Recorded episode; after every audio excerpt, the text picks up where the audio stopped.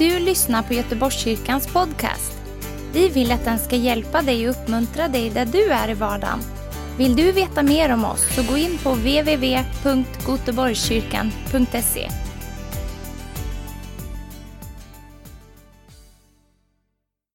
Han är den som gör mirakel. Amen. Han är den som befriar. Han är den som sätter den fångne fri. Han är den som helar. Han är den som botar. Det är vår Gud, eller hur? Amen. Det är den han är. Det är den han är.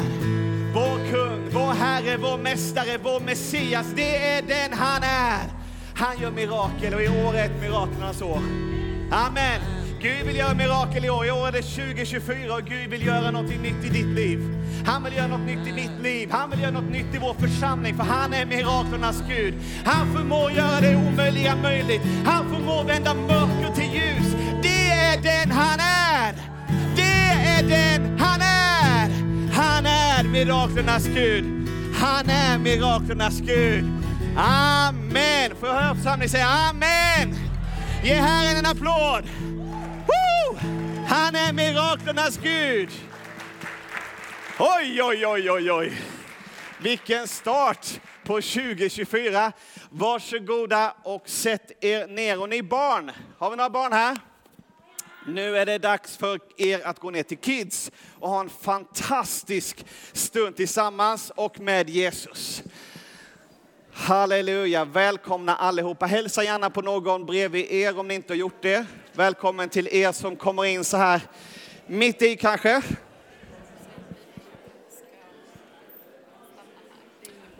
Yes, och eh, ni som är från bibelklubben, vi har ingen bibelklubb idag utan ni stannar kvar i gudstjänsten här och få höra predikan idag.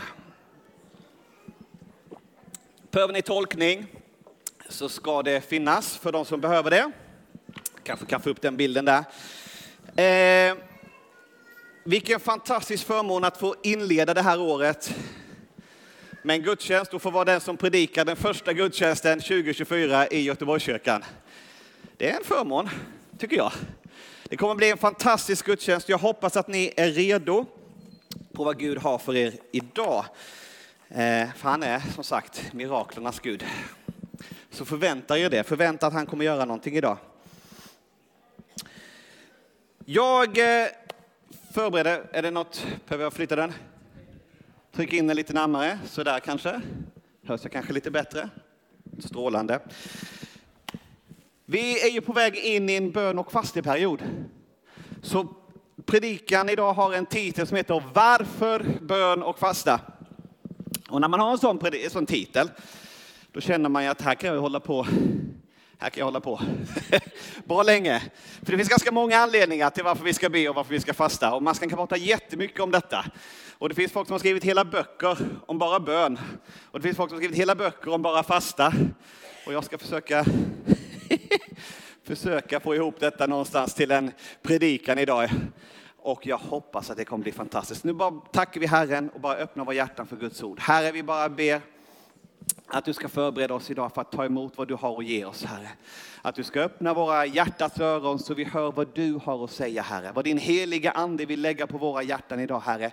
Det vill vi ta emot. Så gör oss lyhörda och villiga att lyssna och följa dig. Ha, så när vi pratar då, varför ska man be och fasta? Då det tycker jag det är viktigt att någonstans förklara vad är bön och fasta. Alltså det är grundläggande. Och bön, det vet vi väl allihopa vad det är, eller hur? Det gör vi ju så mycket, så det måste vi ju veta allihopa väl. Eh, det som jag har valt som en definition i alla fall, det är att det är kommunikation och gemenskap med Gud. Så bön är ett sätt att kommunicera med Gud och att ha gemenskap med honom. Det är inte en monolog där vi pratar, pratar, pratar, pratar och sen så går vi. Om jag skulle göra så med min fru så skulle hon inte tycka att vi hade en bra dialog och ingen bra gemenskap heller. Utan det krävs ett, en dialog där man pratar tillsammans. Så det är att vi pratar och Gud pratar till oss. Det är bön. Okej? Okay? Och vad är då fasta? Ja, ursprungsbetydelsen fasta är ju faktiskt att, att inte äta eller dricka mat. Alltså äta, äta eller dricka, inte ha något sånt i munnen överhuvudtaget. Det är vad ursprungsbetydelsen av fasta är och det är även det som den hebreiska betydelsen av fasta faktiskt betyder. Sen så har vi ju traditionellt vidgat denna utifrån vad Bibeln säger längre fram också, vad Jesus säger och vad Gud, Gud säger själv om vad som är en rätt fasta. Vidgat begreppet. Och idag så kan man fasta från någonting. Och det är att, att fasta det är att, att säga nej till någonting. Att säga nej, jag ska inte göra detta. Och istället ska jag lägga den tiden till Gud. Istället ska jag fokusera på bönen. Istället ska jag fokusera på bibelläsningen. Istället ska jag fokusera på gemenskapen med honom. Så det är att man byter ut någonting som man vanligtvis behöver eller vill ha mot att vara mer med Jesus. Så det kan vara mat. Det kan vi känna till. Det kan också vara, jag vet många som använder social media-fasta. Att man helt enkelt tar bort sin Facebook, Instagram, Snap, TikTok, bort med allt det där. Och så bara tar man den tiden man lägger på det, det spenderar man med Gud istället. Det är ett sätt att fasta. Det kan vara alla möjliga, det kan vara tv-fasta, det kan vara godisfasta om det är, man har mycket sånt. Det finns många. Det viktiga är inte exakt hur fastan ser ut, vad du avstår ifrån. Det viktiga är vad gör du med den, den tiden som blir över? Vad gör du med dem, det du får över för att du avstår från någonting? Lägger du det till Gud, ja då är det rätt. För det är, inte, det är inte själva avståendet av sakerna som är behagligt för Gud. Det är inte så att vi ska späka oss själva och slå oss själva så blir Gud nöjd med det. Utan han vill att istället för att äta, istället för att om sociala medier, så ska vi vara med honom.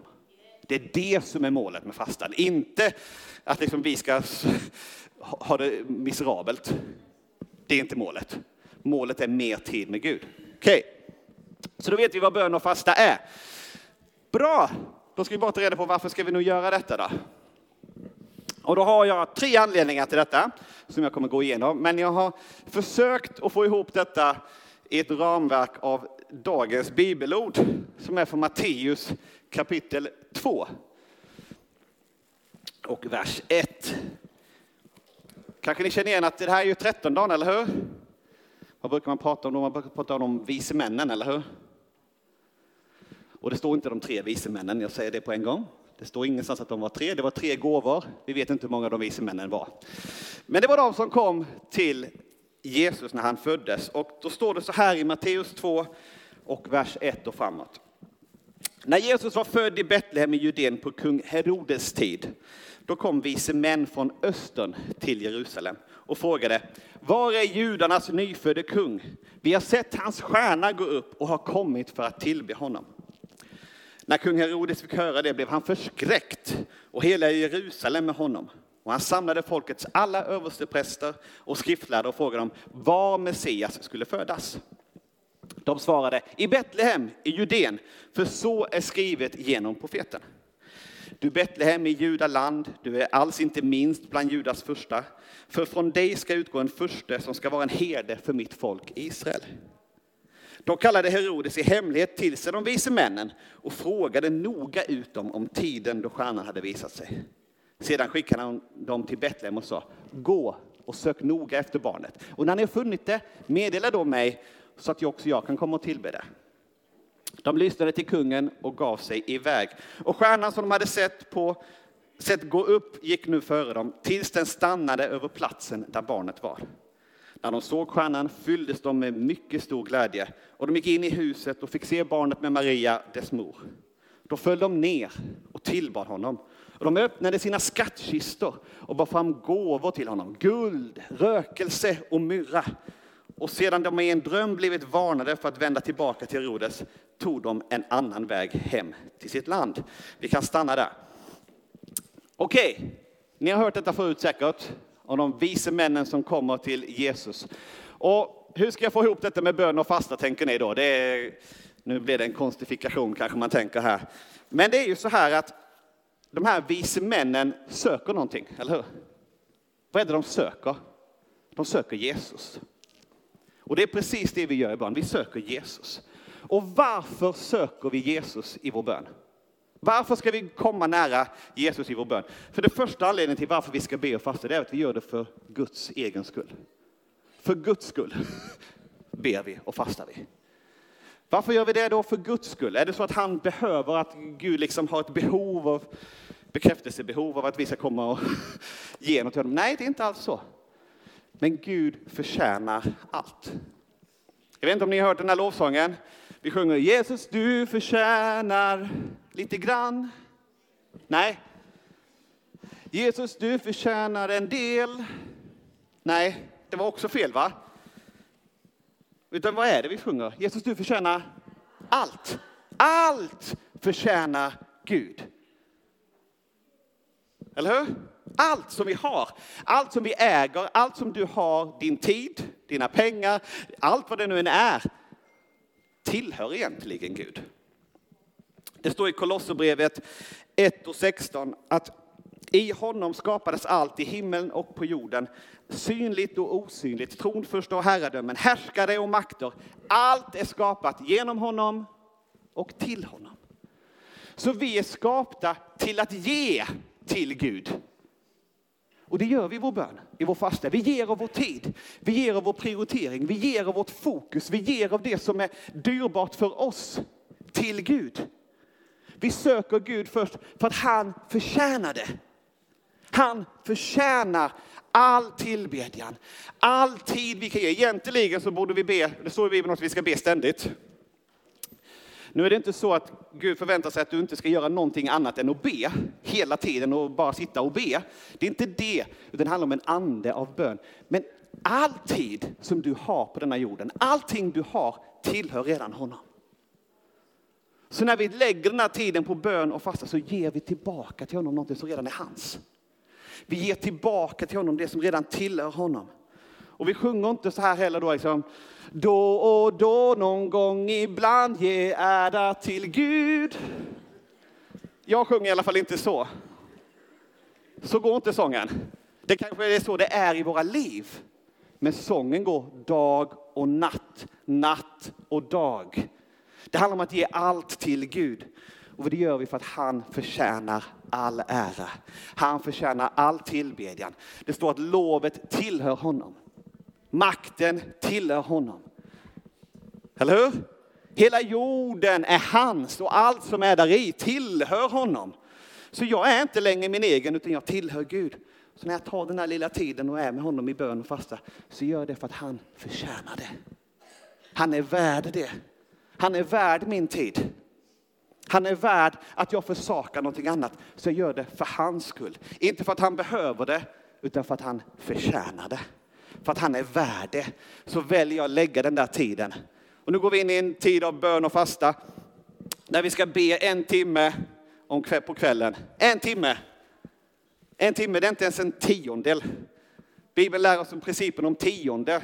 Att vi ska ge av allt vi har så ska vi ge en tiondel till Gud. En timme om, om dagen är inte ens en tiondel av dygnet. Det minsta vi kan göra är att ge det till Gud, för han är värd det. Han förtjänar vår tid. Eller hur? Bibeln är ju till och med så tydlig att när vi pratar om tio, nu pratar de om, om materiella saker, så säger Gud själv att varför stjäl ni från mig? Då tänker de Israels folk, nej men vi stjäl inte från dig. Jo, när ni undanhåller tiondet. Och vi kan säga så att ja, men, när vi inte då lägger vår tid, vårt hjärta, vårt fokus på att söka hans rike först, på att vara med honom, så undanhåller vi det från honom. Vi tar det från honom, för det tillhör egentligen honom. Så det finns ett allvar i det här också, att Gud när han frälste oss, när han valde att offra sig själv på korset och dö för våra synders skull, så köpte han hela oss. Jag är inte längre min egen. Jag tillhör honom. Och han vill att jag ska lägga tid i att be och ge honom ära, att söka honom och vara med honom. Ja, men då ska jag väl göra det. För Guds skull. Så det är för Guds skull vi gör det. Amen. Och det var också vad de tre vise männen gjorde. De kom och gav. De sökte Gud för att de ville tillbe honom. De sökte Jesus för att de, var är han? Vi vill hitta kungen så att vi kan tillbe honom. Och när de kom så tillbad de honom. Hur då? Jo, genom att ge honom massa ära, tillbe honom, men de gav också gåvor. De gav det dyra de hade, det dyrbaraste de hade. Och då kan du fråga dig själv, bön och fasta, vad är det dyrbara som du har i din vardag? Som du kan undvara under en bön och fasteperiod för att istället spendera tid med Gud. Vad är det för någonting som är så dyrbart för dig i din vardag? Det kan vara, det kan vara sociala medier. Jag vet många som har problem med det. Jag vet, framförallt ungdomar som, har, som fastnar i det här med sociala medier och som det är det som är liksom livet. Men livet är mer. Om att kunna säga att nej men det är inte det viktiga. Jag offrar det dyrbara för Guds skull. För att få ta tid med honom. Så det är en utmaning till oss att göra detta. Om vi går vidare, så vi gör detta för Guds skull, det är ena delen. Den andra punkten, det är att vi gör det för världens skull. Om vi läser det här bibelordet så, så, så märker vi att det finns någonting ont här. Ni vet historien vidare sen. Herodes är en tydlig symbol på ondska och mörker här. Vad händer så småningom? Jo, han, han ger bud om att alla gossebarn, tror jag det under två år i Betlehem ska dödas. Det är fruktansvärt egentligen, eller hur? Vilket mörker, vilken ondska som finns. Och det finns ett mörker och en ondska i vår värld idag, eller hur? Jag vet, det räcker att man slår på tv eller nyheterna eller man läser på Aftonbladet eller vad man än gör så ser man det här hela tiden. Det är krig och det är elände och det är svält och det är hungersnöd och det är våld och gängkriminalitet och skottlossningar. Och du vet, om man bara läser allt detta så kan man ju tro att vad är det här för mörker? Vad är det här för, för något som händer? Det är världens ande, det är mörkret som är i den här världen. Och när vi ber och fastar, när vi tar tid med Gud, så gör vi det för hans skull, men vi gör det också för den här världens skull. Det står så här i Matteus 5, och vers 14 till 16 står det så att ni är världens ljus.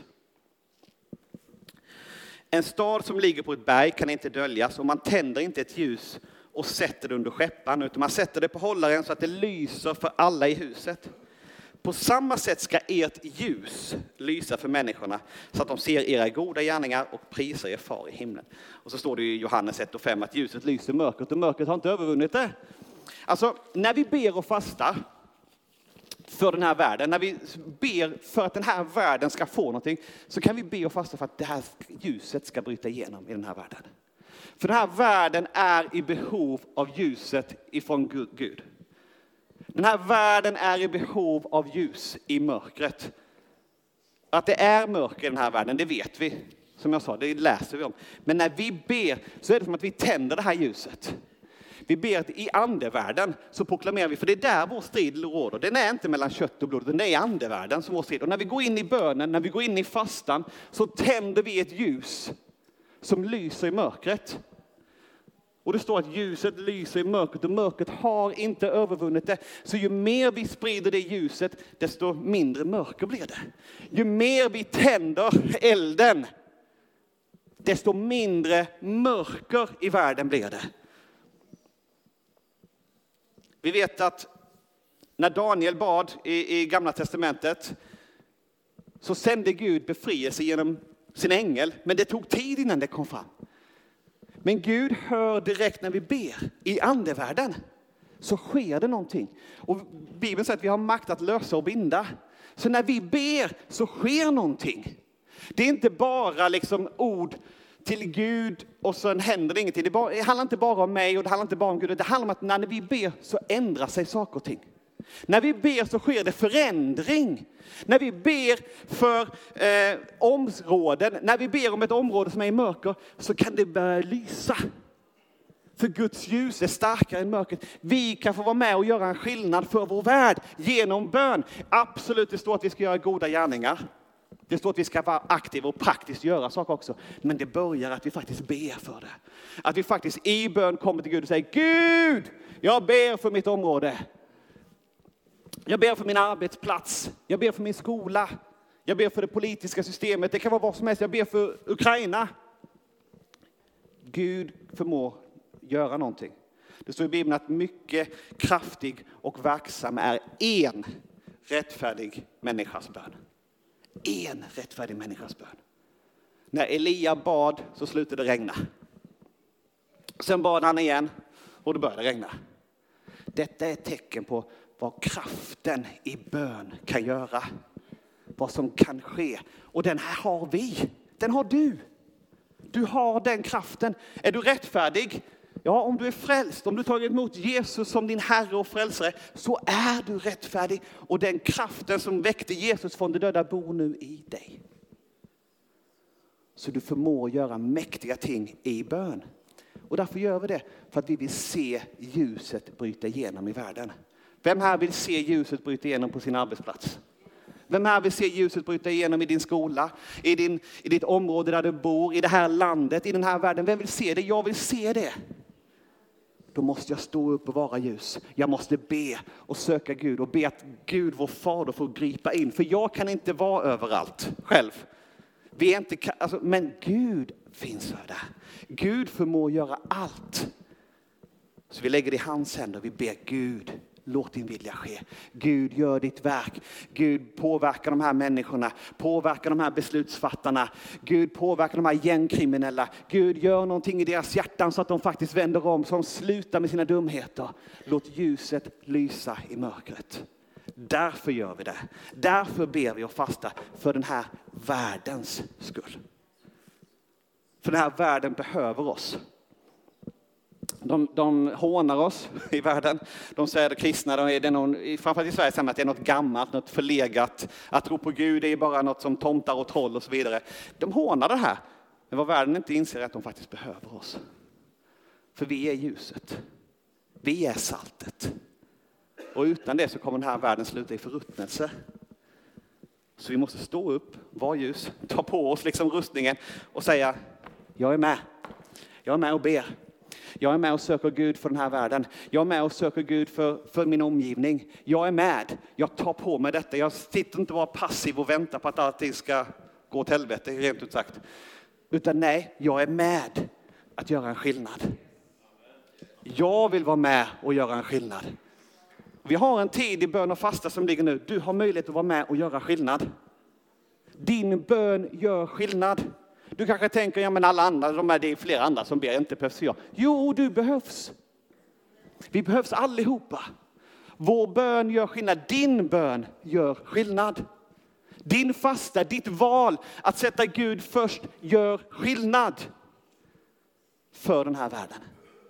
Så för den här världens skull, för Guds skull och för den här världens skull, så ta tid i bön och fasta. Ta till dig detta den här möjligheten, den här uppmuntran som är just nu att faktiskt fördjupa oss i bönen, fördjupa oss i fastan och göra mer. Låt oss ta den stafettpinnen och springa med det för den här världens skull. Jag kan läsa Jesaja 58. Det är ett ganska välkänt bibelord när man pratar om fasta. Jag tycker det är väldigt intressant för det handlar inte om det visar vad fastan handlar om.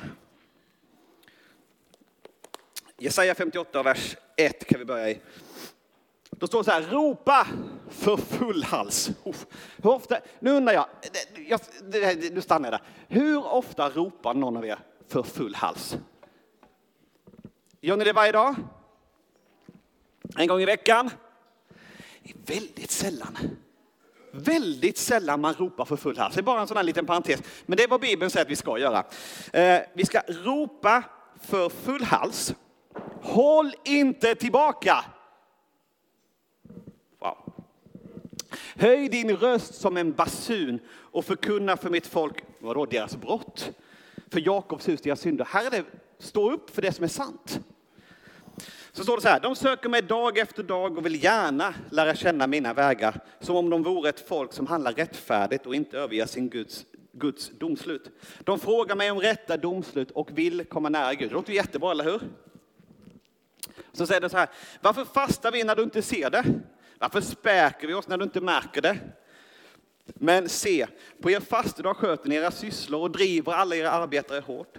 Ni håller er fasta med gräl och bråk och ni slåss med onda nävar. Ni fastar idag inte på sådant sätt att er röst blir hörd i höjden. Är det en sådan fasta jag vill ha? En dag då människan ödmjukar sig, att man hänger med huvudet som ett sävstrå och sitter i säck och aska. Kallar du det en fasta som behagar Gud? Bara Herren? Nej, detta är den fasta jag vill ha. Lossa orättfärdiga bojor. Lös okets band. Släpp de förtryckta fria. Bryt sönder alla ok. Dela ditt bröd med den hungrige. Ge den fattige och hemlöse en boning. Klä den nakna när du ser honom och dra dig inte undan från den som är ditt kött och blod. Då ska ditt ljus bryta fram, som gryningen och ditt helande växa fram med hast. Din rättfärdighet ska gå framför dig och Herrens härlighet följa i dina spår. Då ska Herren svara dig när du åkallar honom. När du ropar ska han säga, här är jag! Om du gör dig av med alla ok, om du slutar att peka finger och tala onda ord, om du delar med dig av vad du har åt den hungriga och mättar den som lider nöd, då ska ditt ljus gå upp i mörkret och din natt bli som middagens ljus. Wow! Det var en annan typ av fasta det där, tycker jag. Det är inte liksom att avstå från sociala medier.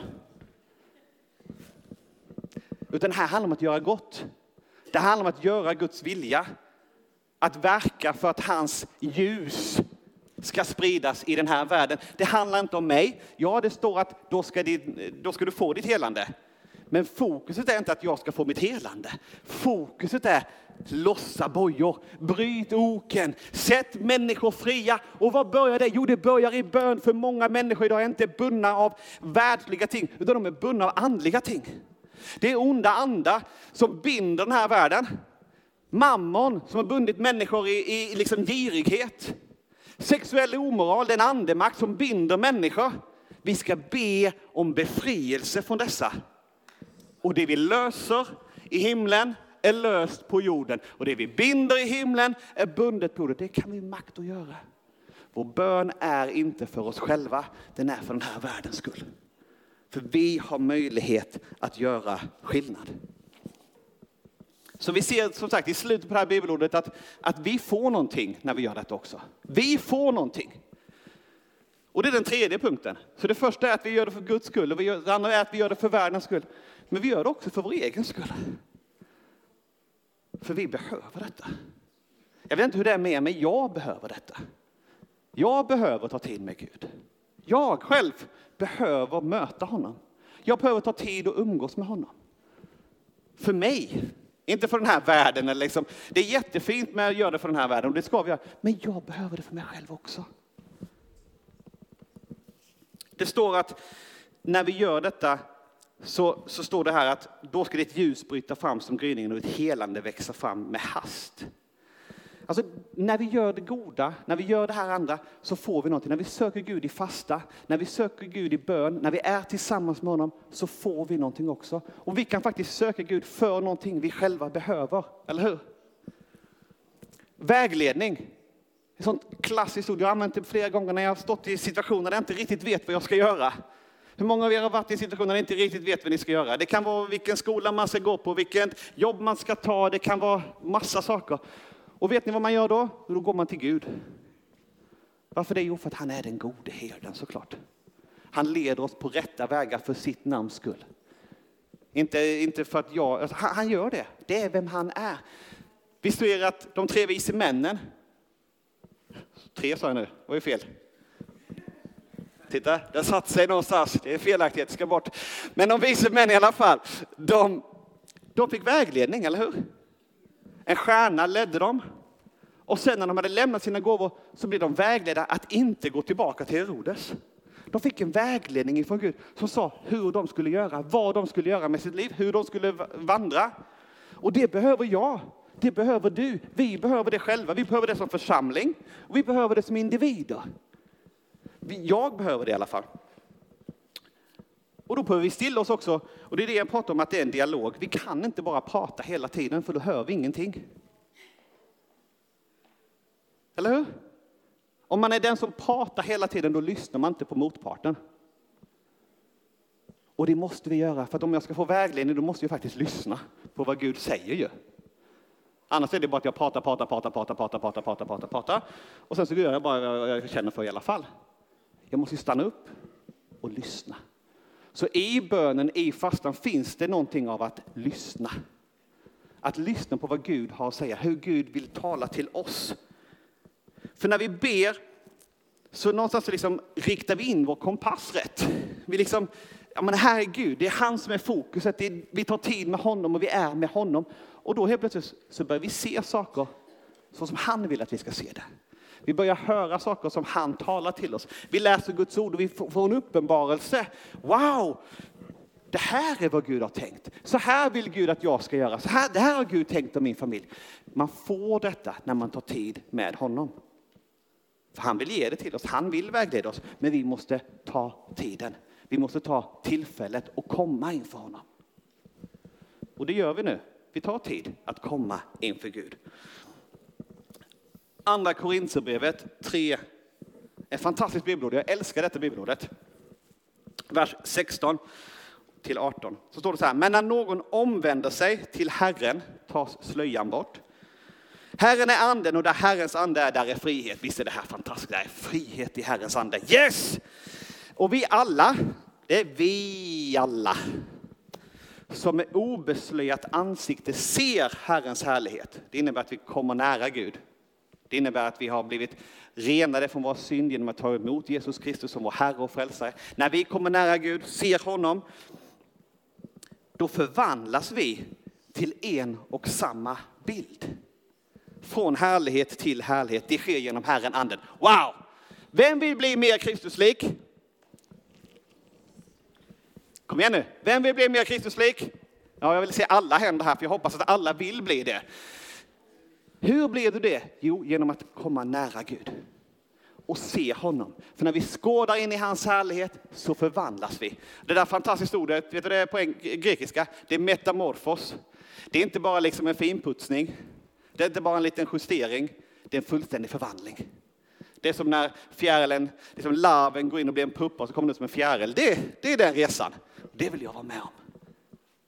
Det kommer när jag drar mig nära honom, när jag söker honom, när jag skådar in i hans ansikte, när jag är inför honom, ser honom och låter mig uppfyllas av hans härlighet, så händer någonting här. Jag blir förvandlad. Det jag tidigare längtade efter, det längtar jag inte efter längre. De tidigare begären som lockade och drog mig, de lockas och dras jag inte av längre, utan nu vill jag bara göra Guds vilja för att jag förvandlats av honom. Och vi behöver göra detta hela, hela, hela, hela tiden. Det är inte bara en gång och sen är det färdigt och sen så behöver vi aldrig göra något mer. Utan vi behöver hela tiden, för vi blir hela tiden påverkade av det som finns runt omkring oss. Som vill dra oss tillbaka. Så vi får vägledning, vi blir förvandlade, vi får våra behov mättade, för han är den gode fadern som ger åt oss vad vi behöver, eller hur? Redan innan vi ens ber så vet han vad vi behöver, så varför ska vi då be? Det är en bra fråga. Därför jag sa det precis varför vi skulle be. För Guds skull, för världens skull och för vår egen skull. Gud vill att vi ska ta tid med honom. Han vill att vi ska göra våra behov kända för honom. Så kommer han fylla oss med det vi behöver och ge oss det vi behöver. Han är Jave Jireh, Herren vår försörjare. Jag är inte försörjaren i min familj. Det är Gud. Jag är inte den som ska bära min familj. Det är Gud som ska bära min familj. Om jag försöker ta hans plats så gör jag fel. Jag ska lita på honom. Jag ska kasta alla mina bördor på honom. Jag ska lägga alla mina bekymmer vid korset. Och han är den som bär. Han är den som fyller mina behov. Han är den som mättar mitt själsbegär. Det är Gud. Och det får jag när jag söker honom. När vi söker honom så får vi också kraft att kunna stå emot på den onda dagen. Hur många kan ibland känna sig frestade att göra någonting som man inte borde göra? Återigen, händer upp. Jag trodde nog att alla känner nog så ibland. Ja, men det gör vi. Och då kan vi säga, är det Gud som frestar oss? Nej, det är inte Gud som frestar oss, så säger han i sitt ord, utan det är vårt eget kött som frestar oss. Det är det onda, ondskan i världen som lockar. Världens ande frestar oss. Men det står, halleluja, det står i, ska vi ta det bibelordet också, vi ska snart gå in för landning här. Eh, Jakobs brev 4, 7-10. Så står det, underordna er därför Gud. Stå emot djävulen, så ska han fly från er. Närma er Gud, så ska han närma sig er. Rena era händer, ni syndare. Rena era hjärtan, ni splittrade. Klaga, sörj och gråt, vänd er skratt i sorg och er glädje i bedrövelse. Vad innebär detta? Det innebär att vi ska gå runt och vara ledsna? Ja, över, över, över liksom, synden, över det som är negativt, över det som är dåligt ska vi beklaga oss över. Vi ska säga att det här är inte bra, det här vill vi inte ha. Gud hjälp mig. Gud befria mig från de här begären som finns i mitt inre. Gud stå, hjälp mig stå emot när frestelsen kommer. Gud hjälp mig för jag är svag själv. För om du tror att du är stark så misstar du dig. Du är svag i dig själv. Men i Kristus är styrkan. Och det är därför vi behöver hämta kraft hos honom. Det är därför vi behöver komma till honom i bönen. Närma oss Gud så närmar han sig oss och vi får någonting. Vi får hjälpen att stå emot. Vi får hjälpen att säga nej till det som, inte, som vi ska säga nej till och ja till det som vi ska säga ja till. Så varför ska vi be och fasta?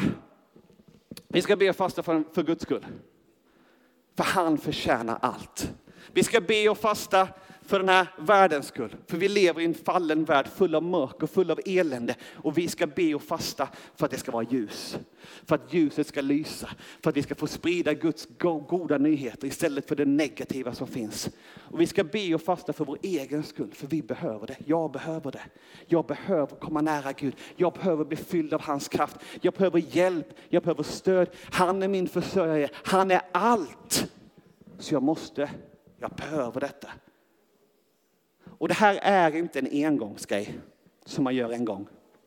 Nu har vi en bön och fasteperiod. Är man färdig sen då liksom? Den perioden är 21 dagar. Ja, nu har vi gjort det ju. Kan vi göra en check i bocken och så är vi klara? Nej, det här är ständigt. Alltid behöver vi detta.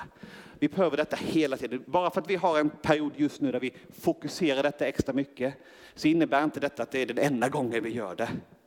Vi behöver alltid påminna oss om att bönen och fastan är något centralt i vår tro. För vi är beroende av Gud. Vi är beroende av hans hjälp, vi är beroende av hans kraft, vi är beroende av att hans ljus ska få lysa. Vi behöver honom. Så vi behöver ta tid med honom och lyssna på honom och höra vad han har att säga. Och en viktig del i den här bön och fasteperioden, det är uthållighet. Det finns någonting här som vi tyvärr i dagens samhälle ibland glömmer bort. Vi lever i instant fix. Vi ska få allting så. Jag försöker berätta för mina barn ibland liksom hur det var på min tid, höll jag på att säga. När man ville se en film. Det gick ingen på tv, så då åker man iväg till en sån här butik, en hyrfilmsbutik, och så gick man runt där och så skulle alla komma överens. Det är fortfarande tillsammans, man måste komma överens, men då skulle alla komma överens, så gick man runt och så valde man en film och så tog man den och sen så åkte man hem och så där, där, och så hoppades man. Och så kan det ibland vara att den filmen var inte där, den var uthyrd. Den var uthyrd. Jag fick inte se den filmen för den var uthyrd. Och så jämför det med idag. Nej, jag, den, jag har den streamingtjänsten, jag har den streamingtjänsten. Jag kan se när jag vill, var jag vill, hur ofta jag vill, hur många gånger som helst. Inga problem. Vi lever i en tid där vi ska få allting så. Att vänta på någonting är ju väldigt jobbigt. Och det kan prägla oss i vårt förhållande till Gud också. Bibeln säger gång på gång att vi ska vänta på Gud. Vi ska vänta på honom. Det är inte så att han är sen. Det är inte så att han dröjer bara för att han vill, utan han kommer och verkar i rätt tid. Men vi ska vänta på honom. Psalm 130, vers 5. Jag väntar på Herren. Min själ väntar och jag hoppas på hans ord. Jag förtröstar, jag litar på hans ord. Är det står där.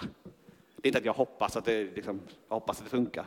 Utan jag litar på det. Jag sätter mitt hopp till, jag sätter min tilltro till att han kommer göra det han har sagt att han ska göra. Om han säger att han är min försörjare så vet jag att han är min försörjare. Så jag sätter mitt hopp till det. Jag sätter min tilltro till det. Och även om inte jag ser det idag så tror jag det och jag väntar. Och det är ingen passiv väntan, det är inte en sån här väntan. Det är en väntan när vi söker Gud, där vi är nära honom. Precis som den änkan och den orättfärdige domaren. Hon kommer dag ut och dag in och säger Gud, ge mig min rätt, ge mig det som tillhör mig, ge mig rätt. Och den orättfärdige domaren hör. Och till slut säger han, nej jag orkar inte med hennes tjat så jag ger henne rätt. Hur mycket mer ska då inte Gud som är den rättfärdige ge oss det vi ska få? Så vi behöver, jag vill liksom någonstans förstå att det finns ett behov som vi alla har att komma nära Gud. Ett behov av att söka honom, ett behov av att dra nära. Och det är en perfekt start på 2024 att dra nära Gud. Det är det bästa du kan göra. Och du vet, vet ni vad som händer när vi gör det? Det står att vi blir förvandlade. Det händer någonting här inne när vi sätter Gud först. Bibeln säger smaka och se. Smaka och se att Gud är god. Jag vill bara utmana dig. Ta det här tillfället som nu ges i församlingen att smaka och se att Gud är god. Smaka på kraften som finns när vi kommer samman och ber. Smaka på vad Gud förmår göra och du kommer märka att något kommer hända här inne i dig. Någonting kommer hända på insidan i ditt hjärta. Du kommer börja längta mer. Du kommer börja hungra efter mer av honom. Du kommer börja törsta efter mer av honom. Och det kommer inte längre vara så här, om måste jag be en timme? Utan det kommer vara, ska jag bara be en timme? För Gud väcker upp någonting på insidan. Det kommer det härifrån. Gud vill inte att vi ska känna ett yttre tvång eller krav på oss, utan Gud vill väcka någonting. Gud vill väcka någonting i våra hjärtan. Han vill väcka någonting i mitt hjärta. Jesus säger i Lukas 12 och 49, jag har kommit för att tända en eld. Åh, hur jag önskar att den redan brann. Brinner elden, brinner bönens eld i ditt hjärta idag? Brinner det i ditt hjärta att du bara måste ta tiden med Gud? Jag kan ärligt säga att jag behöver få den elden tänd på nytt.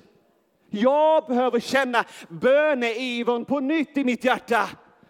För Guds skull, för den här världens skull och för min skull behöver jag det.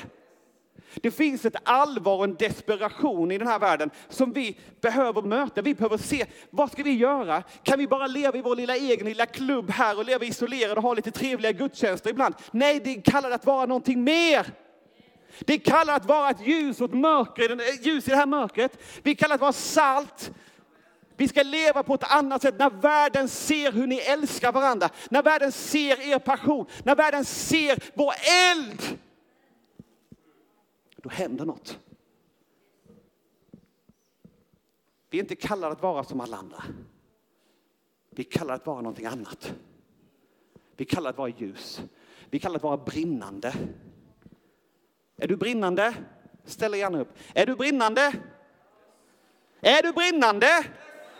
Var ärlig och säg om du inte är brinnande. Det är okej okay att du inte är brinnande, för Gud kan tända eld. Gud kan tända eld på nytt. Där det har falnat, där det har slocknat, där det bara är liksom lite aska som pyr. Gud förmår tända på nytt. Lovsångarna får jättegärna komma fram. Och Gud vill tända våra hjärtan på nytt. Han vill att vi ska dra oss nära honom. Han vill att vi ska söka honom, att vi ska överlåta oss till att leva helt och fullt för honom. Och inte för oss själva, inte för vår egen skull bara, vi lever för Guds skull, vi lever för den här världens skull. Vi vill göra skillnad, men vi behöver hjälp. Jag är inte stark i mig själv. Jag förmår inte själv göra detta. Jag behöver den helige Andes kraft. Jag behöver elden brinnande på insidan. Och om, om du ärligt kommer inför Gud och ställer dig inför honom, kan du då säga Gud, yes, det brinner så bra här nu. Det behövs inget mer. Kan du ärligt säga det till Gud? Att liksom, du, du är fullständigt on fire. Det finns inget uns mer du kan ge till Gud. Är det så? Nej, jag är inte där. Men allt tillhör honom. Han förtjänar inte lite. Han förtjänar allt.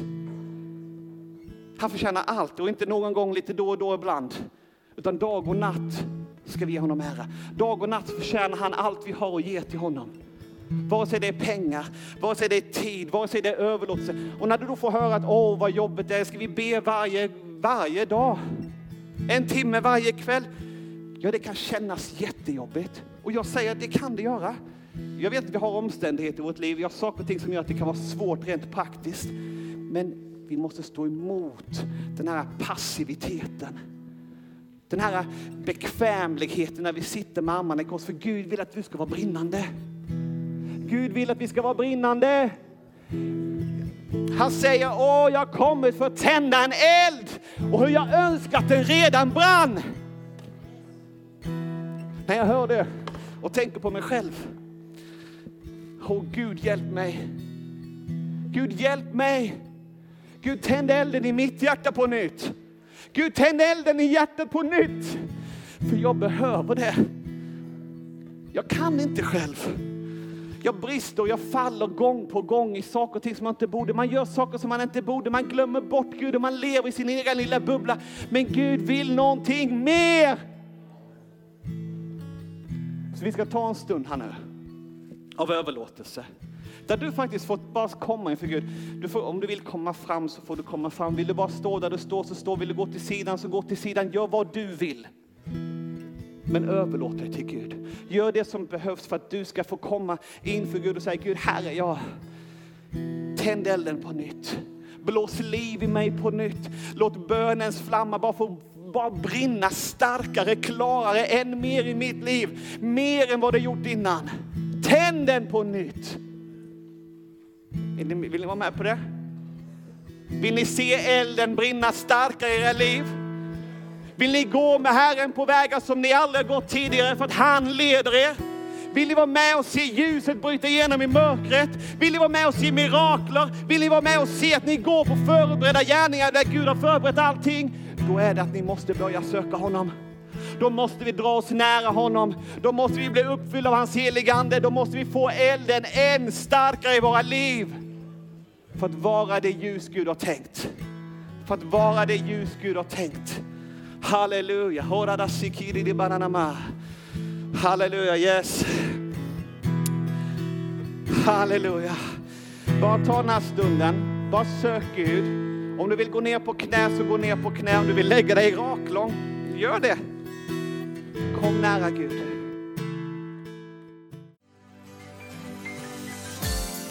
Tack för att du har lyssnat. Dela gärna podden med dina vänner och glöm inte prenumerera. Om du har frågor eller vill att vi ska be för något så mejla oss på info. På söndagar har vi veckans höjdpunkt. Då firar vi gudstjänst tillsammans och det vore så kul att träffa dig där. Men vi har även samlingar för barn då? Gå in på vår hemsida goteborgskyrkan.se så får du veta mer. Välkommen till oss!